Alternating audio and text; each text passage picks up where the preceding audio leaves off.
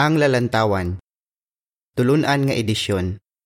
Mayo 2022 Tulunan nga artikulo 19 Ini nga artikulo pagatunan sa simana sang Hulyo 4 hasta 10 Nga dapat ka mangin interesado sa ginasiling sang bugna. Teksto nga ginbasihan sini nga artikulo. Malipayon ang isa nga nagabasa sig mabaskog sang mga pulong sini nga tagna Bugna 1.3 Ambahanon 15 Dayawa ang panganay ni Jehova. Ang binagbinagon sa sining artikulo. Makahalawat-hawat gid ang aton tion subong. Nagakatuman sa aton tion ang mga tagna nga nasulat sa libro sang bugna. Nga dapat kita mangin interesado sa sining nga mga tagna? Binagbinagon sa sining artikulo kag sa masunod nga duha ka artikulo ang pila ka leksyon sa libro sang bugna. Matun-an naton sa sini nga kung tumano naton ang nasulat sa sini nga libro, batuno ni Jehova nga Dios ang aton pagsimba sa iya. Para po uno kag dos. Pamangkot. Ano ang isa ka rason kung nga dapat kita mangin interesado sa libro sang bugna? Imagine nga nagatan-aw ka sang mga picture sa album sang isa ka tawo Samtang ginaisa-isa mo tanaw ang mga picture, hindi mo kilala ang kalabanan nga ara sa sini. Pero nakibot ka sang nakita mo ang isa ka picture. Nga ah, kay ara ka sa sini nga picture. Gani gin panumdum mo kung saan o ginkuha ini nga picture, kag kung sa diin ini nga lugar. Ginisa-isa mo man panumdum ang mga ngalan sang mga ara sa sini. Nanamian kagid sa sini nga picture. Ang libro sang bugna daw pariho sa sininga picture. Nga ah, may duha ka rason. Una, ginsulat ini nga libro sang Biblia para sa aton. Ang una nga bersikulo sini nagsiling. Ini ang bugna nga ginhatag sang Dios kay Iso Kristo. Agud ipakita sa iya mga ulipon ang mga butang nga patod nga mahanabo sa indi madugay. Bugna uno-uno. Gani, hindi para sa tanan nga tawo ang ginsulat sa sini nga libro, kundi para sa aton nga mga alagad sang Dios. Bangod katawhan kita sang Dios, wala na kita natingala nga may bahin kita sa katumanan sang mga tagna sa sining dalayawon nga libro. Buot silingon, daw pariho lang nga ara kita sa picture. Para po tres kag 4. Pamangkot. Suno sa libro sang bugna, San o matuman ang mga tagna sa sini? Kag ano ang dapat naton himuon bangod sini? Ang ikaduha nga rason kung nga dapat kita mangin interesado sa libro sang bugna, amo ang tion kung san o matuman ang mga tagna sa sini. Ginsugid sang tigulang na nga si Apostol Juan kung san o ini matuman. Nagsiling siya. Paagi sa balaan nga espiritu, nakadangat ako sa adlaw sang Ginoo Bugna uno Gis. Sanggin sulat ini ni Juan sang mga 96 CE, wala pa nagsugod ang adlaw sang Ginoo. Suno sa mga tagna sa Biblia, nagsugod ini nga adlaw sang 1914 sang nanginhari si Jesus sa langit. Sugod sina nga tuig, ang mga tagna sa bugna parte sa katawhan sang Dios amat-amat nga natuman. Gani ari na kita sa tion sang adlaw sang Ginoo. Bangod makahalawat-hawat gid ang aton tion subong, dapat gid naton pamalandungan ang laygay sa bugna 1.3. Malipayon ng isa nga nagabasa sing mabaskog, kag ang mga nagapamati sang mga pulong sini nga tagna, kag nagatuman sang mga butangan na sulat sa sini, kay malapit na ang gintalana nga tion. Gani dapat naton basahon sing mabaskog, pamatian, kag tumanon ang mga pulong sini nga tagna ano ang pila sa sini nga mga pulo nga dapat naton tumanon? Siguraduha nga batuno ni Jehova ang imo pagsimba. Para po singko, pamangkot.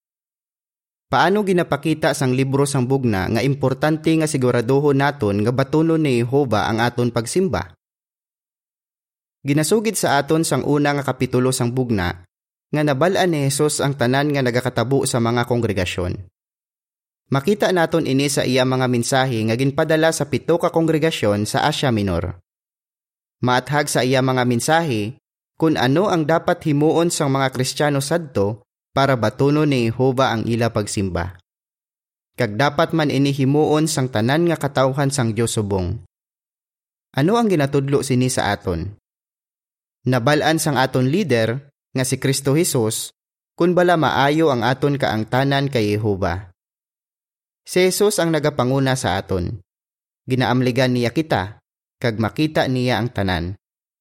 Kabalo siya kung ano ang dapat naton himuon para malipay permi si Jehova sa aton. Ano ang iya mga instruksyon nga dapat naton tumanon subong? Para po size, pamangkot sa A. Suno sa ginsiling ni Jesus sa bugna 2, 3 kag 4, ano ang problema sang kongregasyon sa Efeso? Pamangkot sabi, Ano ang matun-an naton sa sini? Ang bugna 2, 3 kag 4 nagasiling. Nagpakita ka man sang pagbatas, kag nagantos tungod sa akon ngalan, kag wala ng luya. Apang, amo ini ang naindian ko sa imo, nga ginbayaan mo ang imo una nga gugma. Dapat naton tinguhaan nga indi madula ang aton una nga gugma kay Jehova. Ginapakita sang mensahe ni Eso sa kongregasyon sa Efeso nga ginbatas nila ang madamo nga kabudlayan kag padayon sila nga nag-alagad kay Jehova. Pero nadula nila ang ila una nga gugma. Dapat nila pabakuron liwat ang ila gugma kay Jehova para batunon niya ang ila pagsimba. Subong, dapat man kita magbatas, pero dapat husto ang aton motibo sa pagbatas. Dapat naton dumdumon nga importante sa aton Dios kung ano ang aton ginahimo, pati na ang rason kung nga ang ginahimo naton ini. Importante sa iya ang aton motibo. Gusto niya nga ginasimba naton siya, kay palangga gid naton siya kag nagapasalamat kita sa iya. Para po 7. Pamangkot sa A. Suno sa bugna 3.1 hasta 3, ano nga problema ang nakita ni Jesus sa kongregasyon sa Sardis? Pamangkot sabi, Ano ang dapat naton himuon? Ang bugna 3.1 hasta 3 nagasiling. Sa anghel sang kongregasyon sa Sardis isulat mo. Amo ini ang ginasiling sang isa nga may pito ka espiritu sang Dios kag pito ka bituon. Nahibaluan ko ang imo mga buhat. Nga kilala ka nga buhi, apang ang matuod patay ka. Magmata ka, kag pabakura ang nabilin nga mga butang nga malapit na lang mapatay. Kay nakita ko nga wala mo pa mahimo ang tanan nga luyag sang akon Dios nga himuon mo. Gani, padayon nga dumduma ang imo na baton kag ang imo na batian, kag padayon nga tumana ini kag maghinulsol. Kung indi ka magmata, magaabot ako subong sang kawatan, kag indi ka makahibalo kung ano nga oras ako magaabot. Dapat padayon kita nga nagamata kag alisto. Lain naman ang problema sang mga Kristiyano sa kongregasyon sa Sardis. Aktibo sila nga nag-alagad kay Jehova sang una, pero amat-amat sila nga nagluya sa ila pag-alagad sa Dios. Gani ginsilingan sila ni Jesus nga magmata. Ano ang ginatudlo sini sa aton? Siyempre, hindi pagkalimtan ni Jehova ang aton ginhimo nga pag-alagad sa iya. Pero hindi naton dapat paghuna-hunaon nga bangod nag-alagad na kita kay Jehova sang una, pwede lang nga hindi na kita mag-alagad sa iya subong. Bisan padyutay na lang ang aton mahimo subong, dapat kita mangin mapisan sa hilikoton sang Ginoo para padayon kita nga nagamata kag alisto hasta sa katapusan. Unang Korento 15:58 para po 8, pamangkot. Ano ang matun-an naton sa mensahe ni Jesus para sa mga kauturan sa Laodicea nga mabasa sa bugna 3:15 hasta 17? Ang bugna 3:15 hasta 17 nagasiling. Nahibaluan ko ang imo mga buhat, nga indi ka mabugnaw ukon mainit. Luyag ko kung tani nga mabugnaw ka ukon mainit. Gani bangod maalabaab ka kag indi mainit ukon mabugnaw, ibuga ko ikaw. Bangod nagasiling ka, manggaranon ako kag nakatipon sang manggad kag wala na nagakinahanglan sang bisan ano. Apang wala ka makahibalo nga makaluluoy ka. Imol, bulag, kag hubo. Dapat kita mangin mapisan sa aton pag-alagad kag himuon naton ini sing bug-os tagipusoon. Sa mensahe ni Hesus sa Laodicea, ginsugid niya ang ila problema. Nagsiling siya nga maalabaab ang ila pagsimba. Nadula ang ila gana sa pag-alagad. Gani ginsilingan sila ni Hesus nga makaluluoy sila. Dapat nila panikasugan nga mangin mapisan sa ila pag-alagad kay Jehova. Ano ang ginatudlo sini sa aton? Kung daw hindi na kita mapisan sa aton pag-alagad, dapat naton panikasugan nga pasalamatan ang tanan nga ginahatag ni Jehova kag sang iya organisasyon para sa aton.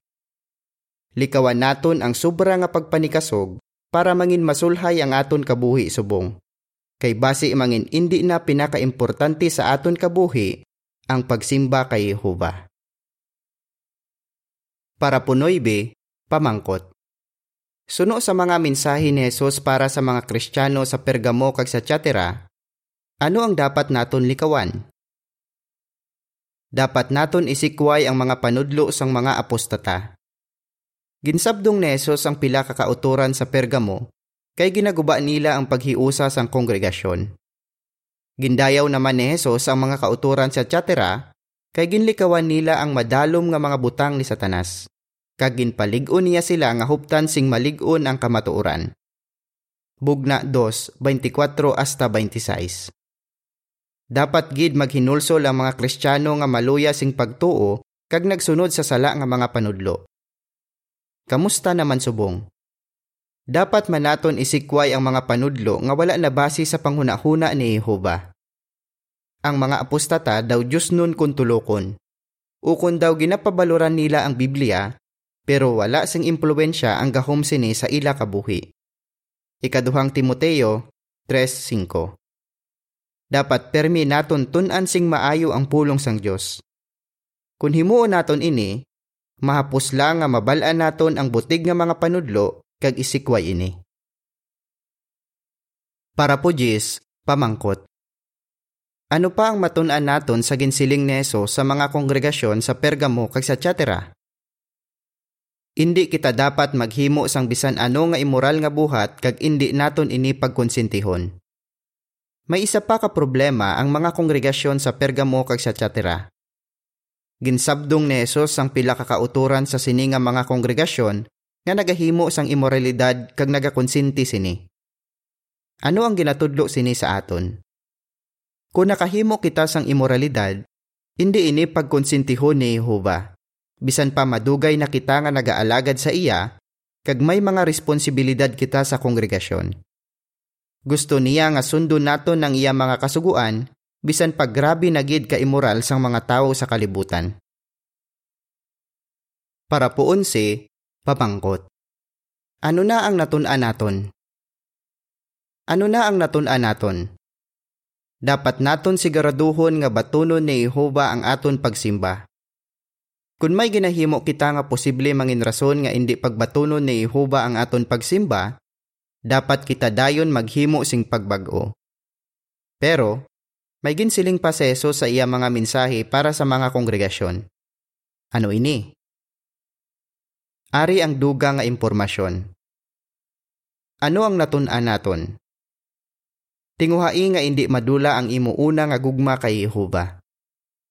Padayon nga magmatakag alisto, mangin mapisan sa imo pag-alagad kag himuwa ini sing bug-os tagipusoon. Isikway ang mga panudlo sang mga apostata. Indi maghimo sang bisan ano nga immoral nga buhat kag indi ini pagkonsentiha. Balik sa artikulo. Manginhanda nga magbatas sang paghingabot. Para po 12, pamangkot. Ano ang matun-an naton sa ginsiling ni Eso sa iya mga mensahe sa mga kongregasyon sa Smyrna kag sa Philadelphia? Binagbinago naton subong ang ginsiling ni Eso sa iya mga mensahe sa mga kongregasyon sa Smyrna kag sa Philadelphia. Ginsilingan niya sila nga hindi sila dapat mahadlok sa paghingabot kay sigurado nga padyaan ni Jehova ang ila katutom. Ang bugna dos Jes nagasiling. hindi ka magkahadlok sa mga butang nga malapit mo na antuson. Ang yawa padayon nga magabilanggo sang iban sa inyo, agud tilawan kamo sing bugos. Kag may kapipitan kamo sa sulod sang napulo ka adlaw. Pamatud-i nga matutom ka bisan tubtub sa kamatayon. Kag ihatag ko sa imo ang korona sang kabuhi. Ano ang ginatudlo sini sa aton? Dapat naton tandaan nga maka-eksperyensya gid kita sang paghingabot kag dapat handa kita nga batason ini. Nga importante gid nga tandaan naton ini. Para po 13 kag 14. Pamangkot. Anong natabo sa katawhan sang Dios bangod sang mga hitabo nga ginasugid sang Bugna kapitulo 12? Ginasugid sa aton sang libro sang Bugna nga hingabuton ang katawhan sang Dios sa adlaw sang Ginoo nga amo ang aton tion subong. Mabasa sa Kapitulo 12 sang bugna nga pagkatapos ng inhari si Jesus, may natabo nga inaway sa langit. Nakig-away si Miguel, nga amo si Hesus Kristo, kag ang iya mga anghel kay Satanas kag sa mga demonyo. Napierde ang mga kaaway sang Dios kag intagbong sila sa duta. Kag sila ang rason sang grabe nga pag-antos sang mga tawo. Pero ano ang natabo sa katawhan sang Dios? Ginsugid dayon sang bugna ang reaksyon ni Satanas. Bangod hindi na siya makabalik sa langit, ang mga hinaplas nga ari pa sa duta ang iya ginhingabot. Ini nga mga hinaplas amo ang mga representante sang ginharian sang Dios kag nagapanaksi sila tuhoy kay Hesus. Bugna 12:17.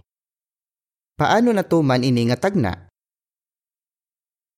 Para po 15, pamangkot. Sino ang ginarepresentar sang duha ka saksi nga ginsambit sa bugna kapitulo 11 kag ano ang natabo sa ila? Ginaimpluwensyahan ni Satanas ang mga kaaway sang Dios nga hingabuton ng mga hinaplas nga nagapanguna sa pagbantala sang ginharian. Ini nga mga hinaplas amo ang ginarepresentar sang duha ka saksi nga ginpatay nga ginsambit sa bugna. Bugna 11:3 kag 7 hasta 11. Sang 1918, ang walo ka brother nga nagapanguna sa organisasyon, ginakusahan sang sala nga wala nila nahimo. Ginpamatbatan sila nga nakasala. Kag ginsentensyahan sila nga prisuhon sa madamo nga tinuig. Para sa kalabanan nga tawo, daw pariho lang nga napatay ang hilikoton sini nga mga hinaplas. Para po 16. Pamangkot. Ano ang makatilingala nga natabo sang 1919 kag ano ang padayon nga ginahimo ni Satanas sugod sadto. Ang tagna sa bugna kapitulo 11 nagasiling man nga ang duha ka saksi pagabanhawon pagkatapos ang malipot nga tion. Makatilingala ang katumanan sini pagkasunod gid nga tuig. Sang Marso 1919, ginpagwa sa prisuhan ining hinaplas nga mga brother. Sang ulihi, ginbasura ang ila mga kaso. Ginpangunahan dayon sini nga mga brother ang pagbantala kag pagtudlo sa iban parte sa ginharian. Pero wala naguntat si Satanas sa paghingabot sa katawhan sang Dios. Sugod sadto, ginpahanabo ni Satanas ang daw suba nga paghingabot sa tanan nga katawhan sang Dios. Bugna 12:15. Gani, kinahanglan gid naton tanan ang pagbatas kag pagtuo. Bugna 13 ang caption sang picture nagasiling. Pagkatapos gintagbong si Satanas halin sa langit, paano niya ginhingabot ang katawan sang Dios hasta subong? Tumana sing bugos ang hilikoton nga ginsugo ni Jehova sa aton. Para po 17. Pamangkot. Ano ang wala ginapaabot nga bulig nga labaton sang katawan sang Dios bisan pa ginahingabot sila ni Satanas? Ginapahangop sang bugna kapitulo 12 nga may magabulig sa katawhan sang Dios nga wala gid nila ginapaabot.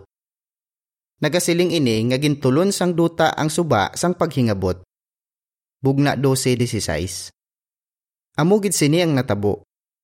May mga tion nga ginbuligan ang katawhan sang Dios sang mas makatarunganon nga bahin sang kalibutan ni Satanas pareho sang pila ka hudisyal nga sistema sini. Madamo nga beses nga nagdaog ang mga alagad ni Jehova sa mga kaso sa korte, gani hilway nila nga nahimo ang pila ka hilikoton sa pag-alagad. Paano nila gingamit ang ila kahilwayan? Maalamon nga gingamit nila ini sa paghimo sang hilikoton nga ginsugo ni Jehova sa ila. Ano ang nalakip sa sini nga hilikoton? Para po 18. Pamangkot. Ano ang aton pangunang hilikoton sa sining katapusan nga mga adlaw? Gintag na ni Jesus nga ibantala sang iya katawhan ang maayong balita sang ginharian sang Dios sa bugos nga duta antes mag-abot ang katapusan. Mateo 24:14 Kung nagabantala sila, ginabuligan sila sang anghel, ukon sang grupo sang mga anghel. Ini nga mga anghel ginalaragway nga nagapahayag sing wala sing katapusan nga maayong balita sa mga nagaistar sa duta, kag sa tagsa kapungsod, kag tribo, kag hambal kag katawhan. Bugna 14.6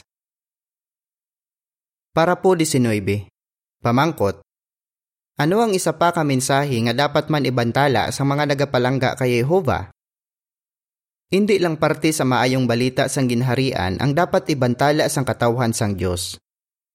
Dapat man sila magbulig sa hilikoton sang mga anghel nga ginsambit sa bugna kapitulo 8 hasta 10. Ginpabalo sini nga mga anghel ang sunod-sunod nga mga kalalatan nga maeksperiensyahan sang mga nagasikway sa ginharian sang Dios. Gani, Ginabantala sang mga saksi ni Jehova ang paghukom nga himuon sang Dios sa mga bahin sang malain nga kalibutan ni Satanas kag ginpaanggid ini nga mensahe sa yelo kag kalayo. Bugna 8, 7 kag 13. Dapat mabalaan sang mga tawo nga malapit na ang katapusan para makahimo sila sang mga pagbag-o sa ila kabuhi kag para maluwa sila sa adlaw sang kaakig ni Jehova. Pero hindi gusto sang kalabanan nga tawo ini nga mensahe Gani kinahanglan naton ang kaisog para mabantala naton ini. Sa tion sang dakong kapipitan, mas masakit pamatian ang katapusan nga mensahe sang paghukom nga aton ibantala. Ang caption sang picture nagasiling. Ano ang duha ka mensahe nga ginabantala sang katawhan sang Dios? Tumana ang ginasiling sang tagna. Para po 20, pamangkot. Ano ang binagbinago naton sa masunod nga duha ka artikulo? Dapat gid naton tumanon ang mga pulong sini nga tagna bangod na lakip kita sa katumanan sang ginbasa naton sa libro sang bugna. Bugna 1.3 Pero paano naton mabatas sing matutom ang mga paghingabot para padayon kita nga mangin maisog sa pagbantala sini nga mga mensahe? Duha ka butang ang magapabakod sa aton. Una, ang ginasugid sang libro sang bugna parte sa mga kaaway sang Dios kag ikaduha ang mga pagpakamaayo nga mabato naton sa palaabuton kung magpabilin kita nga matutom. Binagbinago naton ini sa masunod nga duha ka artikulo. Ano ang imo sabat? Ano ang natun-an naton sa mga mensahe ni Jesus sa pito ka kongregasyon? Nga dapat naton handaan ang paghingabot? Ano nga hilikoton ang dapat himuon sang katawan sang Dios sa siningtion sang katapusan? Ambahanon 32 Dampig kay Jehova Diri natapos ang artikulo.